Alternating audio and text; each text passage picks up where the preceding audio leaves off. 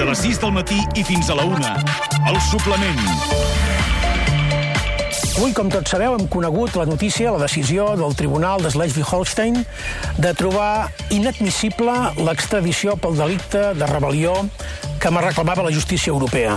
Un delicte que pesa sobre tots nosaltres, sobre els companys que hi ha a la presó, els companys que hi ha a l'exili. Un delicte inadmissible.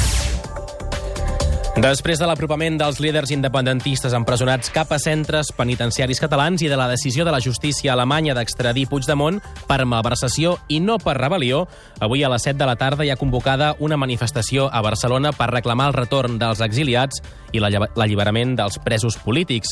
Saludem des de Brussel·les Lluís Puig, exconseller de Cultura. Bon dia. Hola, molt bon dia. Com està? Bé, molt content. Com va estar en tot? Primer de tot, deixi'm començar preguntant-li per la decisió de la justícia alemanya que ha decidit extradir Puigdemont per, per malversació i no per rebel·lió. Què li sembla?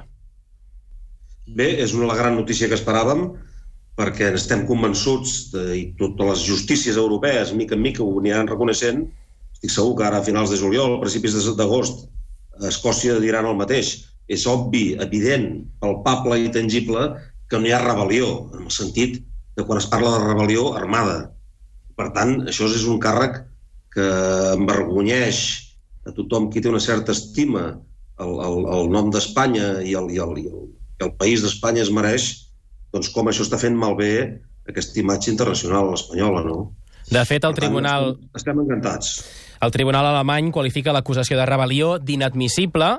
Com afecta això als altres polítics que tenen causes obertes com vostè arran de l'1 d'octubre? Bé, doncs mira, primer de tot, i evidentment ho va dir el president Puigdemont de seguida el mateix dia, eh, es demostrar que tots els companys i companyes que estan tancats a la presó amb aquest delicte dins de les presons espanyoles, siguin a Catalunya, ara o abans a Madrid, és una vergonya. No, no, no és... Diguem-ne que des d'aquí a Europa no es veu ja com una presó preventiva, sinó que es veu gairebé com una venjança de la Inquisició al segle XXI. Perquè si fins i tot suposéssim acaben extraditant a Alemanya el president Puigdemont per malversació, el deixen seguir estant en llibertat condicional, fins i tot aquí, com es pot entendre que els companys i companyes portin 6, 8, 4, en fi, els mesos cadascú porta la temporada que porta a la presó, d'una forma eh, impresentable, inhumana. Inhumana és la paraula menys gruixuda que jo m'atreviria a dir.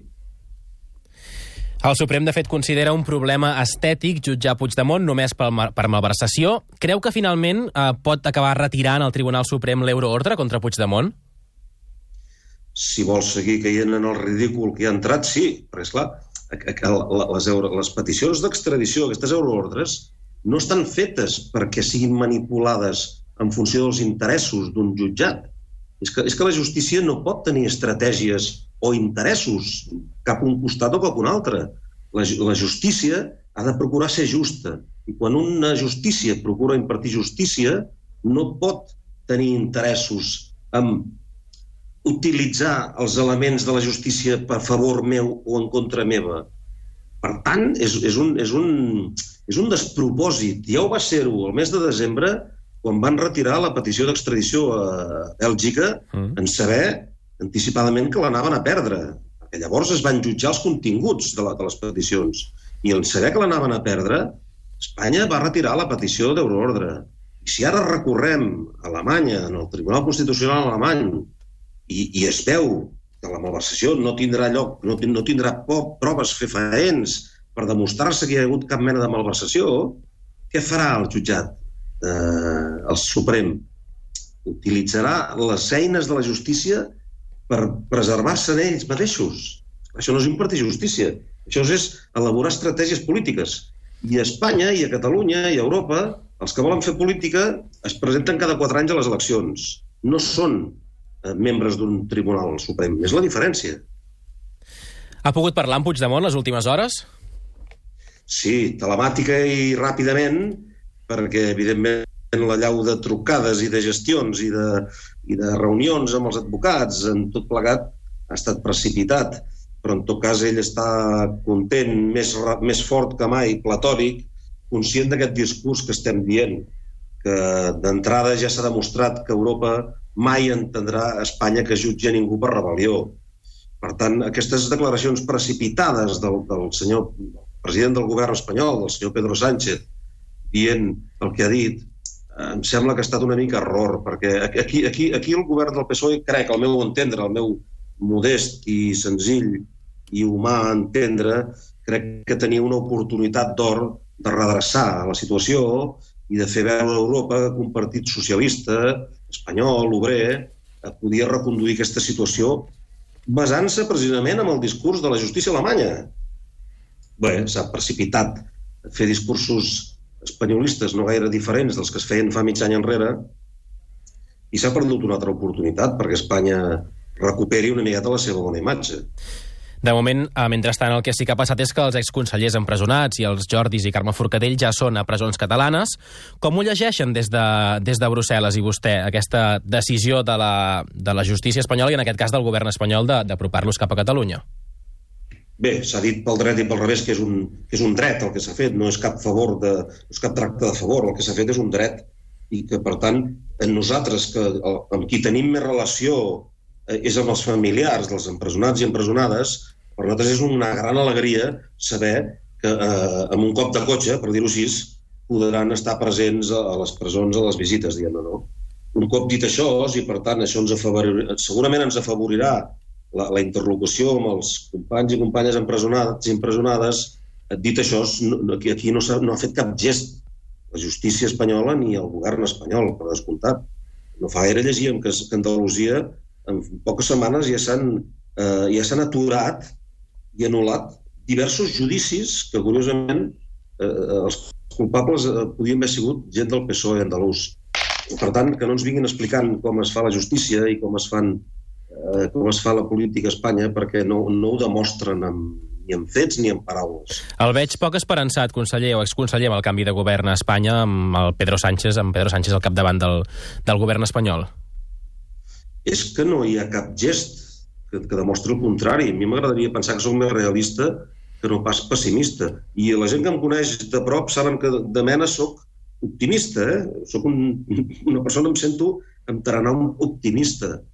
Però si realment no hi ha un canvi, un cop de timó, un canvi de rumb eh, en el discurs i en les formes, eh, seguirem treballant nosaltres, com ja ho estem fent de fa temps, en pensar que tot aquest conflicte el guanyarem a l'arribar a Estrasburg, als tribunals europeus de justícia a Estrasburg.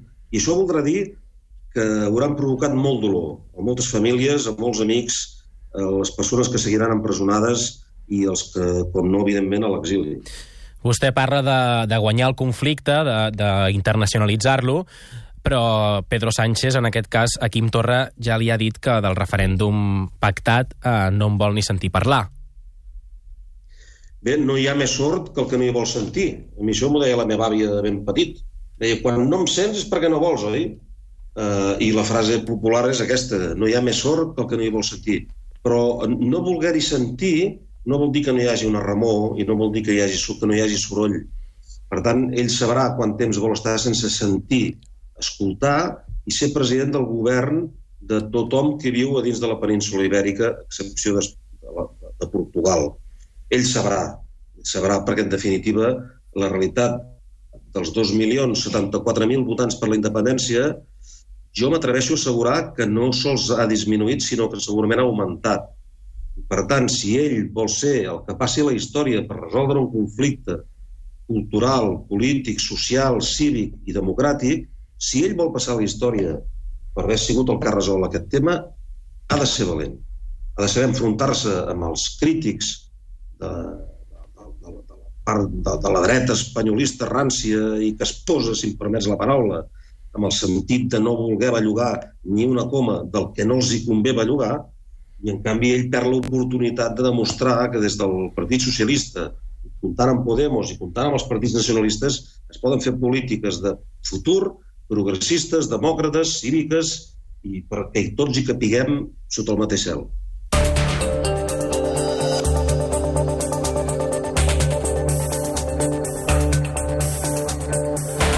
Estem conversant amb Lluís Puig, exconseller de Cultura des de Brussel·les. Justament ara fa un any, el juliol passat, vostè va entrar al govern de la Generalitat. Ho tornaria a fer? Si m'ho demanés el president Puigdemont o el president Torra, per descomptat, ho tornaria a fer, en quant que el president Quim Torra, el molt honorable president 131è, president de la Generalitat, em va nomenar conseller de Cultura en aquesta legislatura i per la prevaricació de l'anterior govern espanyol no estic desenvolupant aquesta tasca. Per tant, vaig acceptar ser, ser conseller de Cultura amb el president Puigdemont i vaig acceptar ser conseller de Cultura amb el president Torra. No cal dir-vos que això és un doble honor, malgrat en aquesta segona ocasió no hagi pogut desenvolupar. He estat vuit mesos aquí a l'exili fins ara on les visites, la, el contacte amb tots els agents del món de la cultura, tant de l'administració pública com d'empreses privades com d'associacions culturals, eh, m'han seguit donant una legitimitat eh, honorífica, si vols, perdona que et tutegi ara així. Sí, cap eh, problema. Eh, però que en definitiva m'han donat aquesta legitimitat. Quan aquesta legitimitat es converteix que el president Quim Torra em torna a anomenar conseller de Cultura, jo em sento que hem fet els impossibles per establir un pont de, de, de restitució entre el 27 d'octubre i el dia, ara he oblidat el dia exacte, que el president Quim Torra assigna el decret de nomenament dels nous consellers i conselleres. Un decret que al final no es, va, no es va dur a terme, o almenys amb la, amb la seva figura, amb el seu nomenament com a conseller de Cultura, no es va acabar executant. Però això serà uns quants folis més que engruixiran el, el, la demanda al Tribunal Superior de Justícia d'Estrasburg, perquè la prevaricació que va cometre el govern espanyol ho va dir-ho, no jo, no jo que no hi entenc pas gota del món jurídic, sinó experts catedràtics, juristes i presidents de tribunals de tota Espanya van dir que això era una prevaricació. La paraula prevaricació, que no sembla un insult gaire gruixut, és un delicte molt sèrio quan parlem de política i quan parlem de justícia. Per tant, és una part més de la demanda que tard o d'hora a eh, Estrasburg s'haurà d'acabar reconeixent i reparant i restituint. Però si tornéssim un any enrere, el juliol de l'any passat, del 2017, quan Carles Puigdemont li proposa ser conseller de Cultura, sabent que havia d'afrontar el que vindria també l'1 d'octubre, vostè tornaria a decidir a acceptar el càrrec de conseller de Cultura sabent tot el que vindria després? En aquell moment no m'imaginava anar a parar a l'exili, però sí que recordo les paraules que li vaig dir amb el president Puigdemont quan ell em va avisar dels possibles conflictes que podia generar-se sobre temes de demandes judicials o de, o de malmetre el nostre patrimoni personal, etc. Sí que recordo que li vaig dir al, al meu president Puigdemont, vaig dir, president, el mes d'abril del 2017, tot el govern, consellers, secretaris generals i directors i directores generals vam signar un document, un acte que es va fer al pati dels tarongers, vam signar un document on ens comprometíem tots a organitzar el referèndum, i en aquell moment no hi havia ni data ni pregunta, i ens vam dir que allà ens comprometíem a organitzar el referèndum i ens comprometíem a aplicar el resultat del referèndum. Sortís el que sortís del referèndum, faríem tot el que estigués a les nostres mans perquè es fes i per aplicar-ne el resultat. Per tant, tot i sabent el que estem, eh, jo em veuria obligat moralment a tornar a acceptar per fidelitat amb el que havia signat a l'abril al Palau de la Generalitat, que per mi és el, la seu de la institució més important de l'autogovern de Catalunya, i davant, no cal dir-ho, del president i de la resta del govern. Pot semblar molt retòric fer aquesta resposta, sí que sembli èpica o que sembli antològica, però ja que, ja que parlem de suposicions, mm. deixem suposar que faria exactament el mateix. En tot cas, què creu que es va fer malament des del juliol o des de que va començar el govern de, Tor, de, de Puigdemont, en aquest cas, fins al 27 d'octubre, en què es va proclamar una república catalana que al final no es va fer efectiva? Una gran cosa es va fer molt malament. Però una, eh? La principal. És que el govern de l'estat espanyol en cap moment va voler parlar i fer política. Aquesta és. Hem de deixar una miqueta de flagelar-nos aquesta cosa tan catalana i tant dels seguidors del Barça que quan perden el primer partit de la Lliga ja comencen a tremolar per si s'ha perdut tot el campionat, doncs aquest, aquesta cosa del nostre tarannà hauríem de deixar-la una mica enrere, perquè és que la cosa més mal feta que s'ha fet és ni el 26 d'octubre, on encara hi havia obertes portes i, i contactes i negociacions per aturar-ho, ni allà, ni el 26 d'octubre al vespre eh, es va voler fer política des de l'estat espanyol. Ja havien renunciat els polítics a fer política. Ja sols volien deixar-ho tot en mans de la justícia tan poc separada del poder, eh, els poders eh, legislatius dels poders polítics a nivell d'estat espanyol. No? Jo crec que aquest és la, el gran error que ha comès l'estat espanyol, molt més gran que qualsevol altre petit error que hem comès algun de nosaltres. Clara Ponsatí diu que anaven de farol. Bé, jo no m'hi sento, i no entraré a discutir massa amb la consellera amiga, estimadíssima Clara Ponsatí, perquè jo em sento que vaig fer el que em demanava la ciutadania. Uh, jo confiava que tard o d'hora hi hauria diàleg, i per això vam arribar fins al final. I no esperàvem ningú, ni si algú es pensava que anava de farol, ningú es pensava que convocant eleccions democràtiques pel 21 de desembre, on el mateix 22 ja vam manifestar el nostre posicionament a participar democràticament d'unes eleccions, ningú es podia imaginar aquestes presons preventives, repeteixo, que sonen més. A Europa es veuen més com a venjances de la Inquisició medieval com a presons preventives necessàries en una Europa del segle XXI. Sense diàleg amb el govern espanyol? Ningú aquesta presó. Li deia, sense diàleg amb el govern espanyol era impossible implementar la república? Segurament sí. Jo no sóc un gran estratega ni un gran dirigent per saber com s'implementa una política. L'avantatge, per exemple, d'anar a comprar en algun supermercat que et compres mobles que tu te'ls muntes a casa és que hi ha un manual d'instruccions que t'ho explica tot tu fas cas, anar seguint els dibuixets i anar seguint cada pas, i al final et queda el moble muntat. Però l'independentisme presumia de tenir un manual d'instruccions, un llibre blanc, tenir estructures d'estat preparades, que al final... Hi havia, coses, hi, hi havia i hi ha moltes coses preparades. I el més important del que està preparat és l'empoderament social de la gent que no vol seguir amb un rei que no el representa ni vol seguir en un estat espanyol que només fa que amenaçar-lo i atacar-lo, a la gent de Catalunya. Això és el més important l'empoderament popular que la gent té i tenia. I crec, crec, menys així m'arriba a mi, els meus contactes i relacions, que podem estar contents d'haver complert amb el que molta gent ens demanava. I sobretot, perquè ho hem seguit fent de forma democràtica i pacífica. També ho va dir en paraules el propi president Puigdemont, no volíem, no volíem un mort al damunt de sobre de les espatlles de ningú. Per tant, em sembla que vam arribar fins al final amb complir la voluntat popular. I el, la voluntat popular no és poca cosa, no és una cosa que sigui si avui la prenc i demà la deixo. És un respecte molt important que cal tenir. Molta gent ens ha agraït aquests vuit mesos, tant els empresonats i empresonades com els que estem a l'exili, la nostra fermesa i el resistir fins al final. Per tant, vostè no ho llegeix com una derrota, com un fracàs? No, no, no, no. no. Absolut.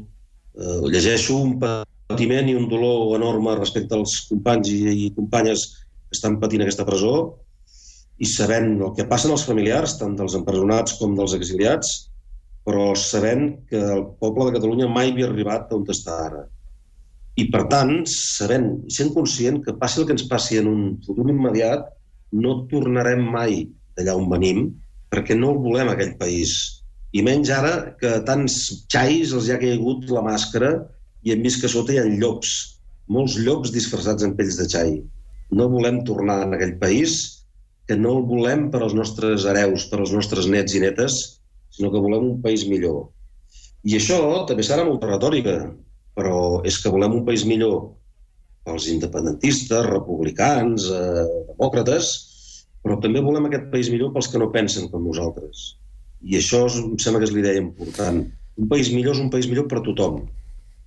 I un país millor no és el que té grups que pel carrer van a les nits amb passamuntanyes eh, donant cops de porra o amb cadenes fent mal a la gent o arrencant llaços grocs per la llibertat. Per tant, eh, aquesta crida em sembla que és important no solament a Catalunya, sinó a tot Espanya. Eh, el país el volem millor, per tots i per tothom. Parlem de coses concretes.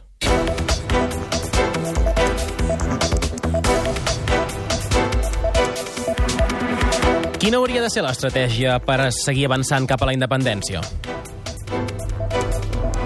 Bé, seguir treballant tots junts endavant. La unitat. Tots junts vol dir, junts vol dir el, el, els nostres màximes, eh, eh, les nostres màximes institucions, la Generalitat i el Parlament de Catalunya, els ajuntaments i les diputacions, tot això és la nostra administració pública de Catalunya.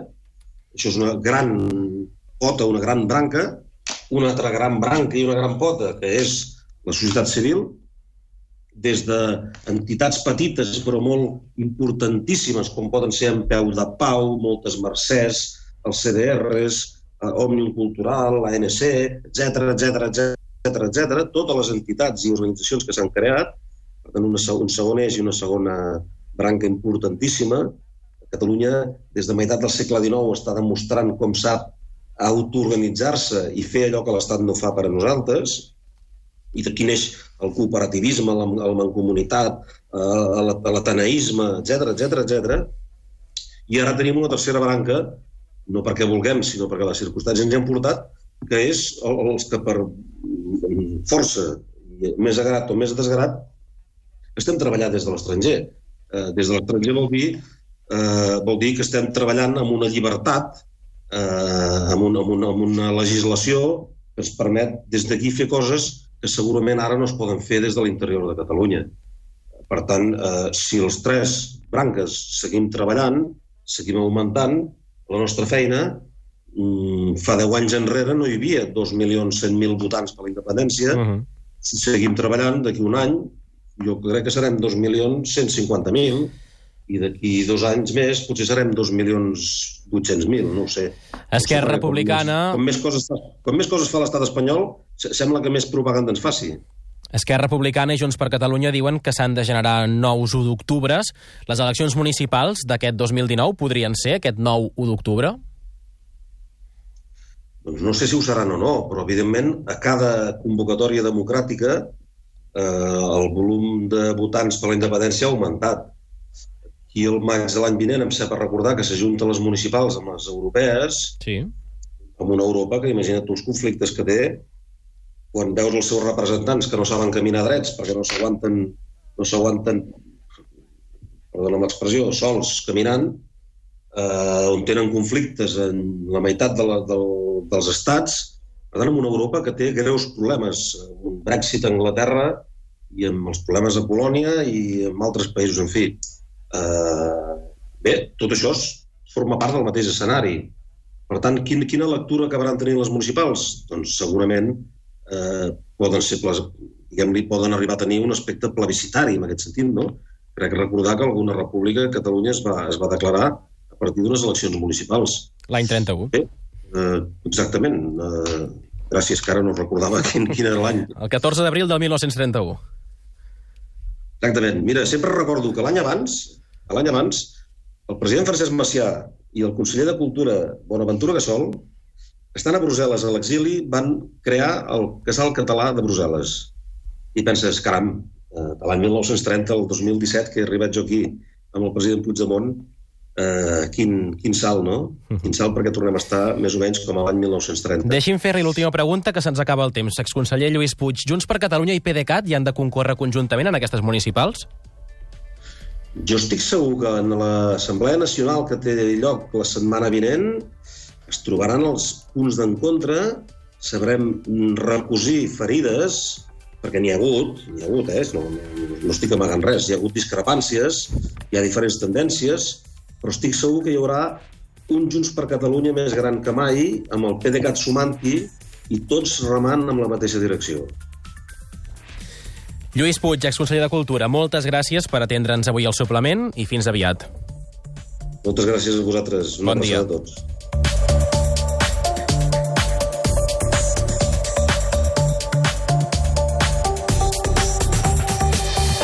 Des de les 6 del matí i fins a la 1, el suplement.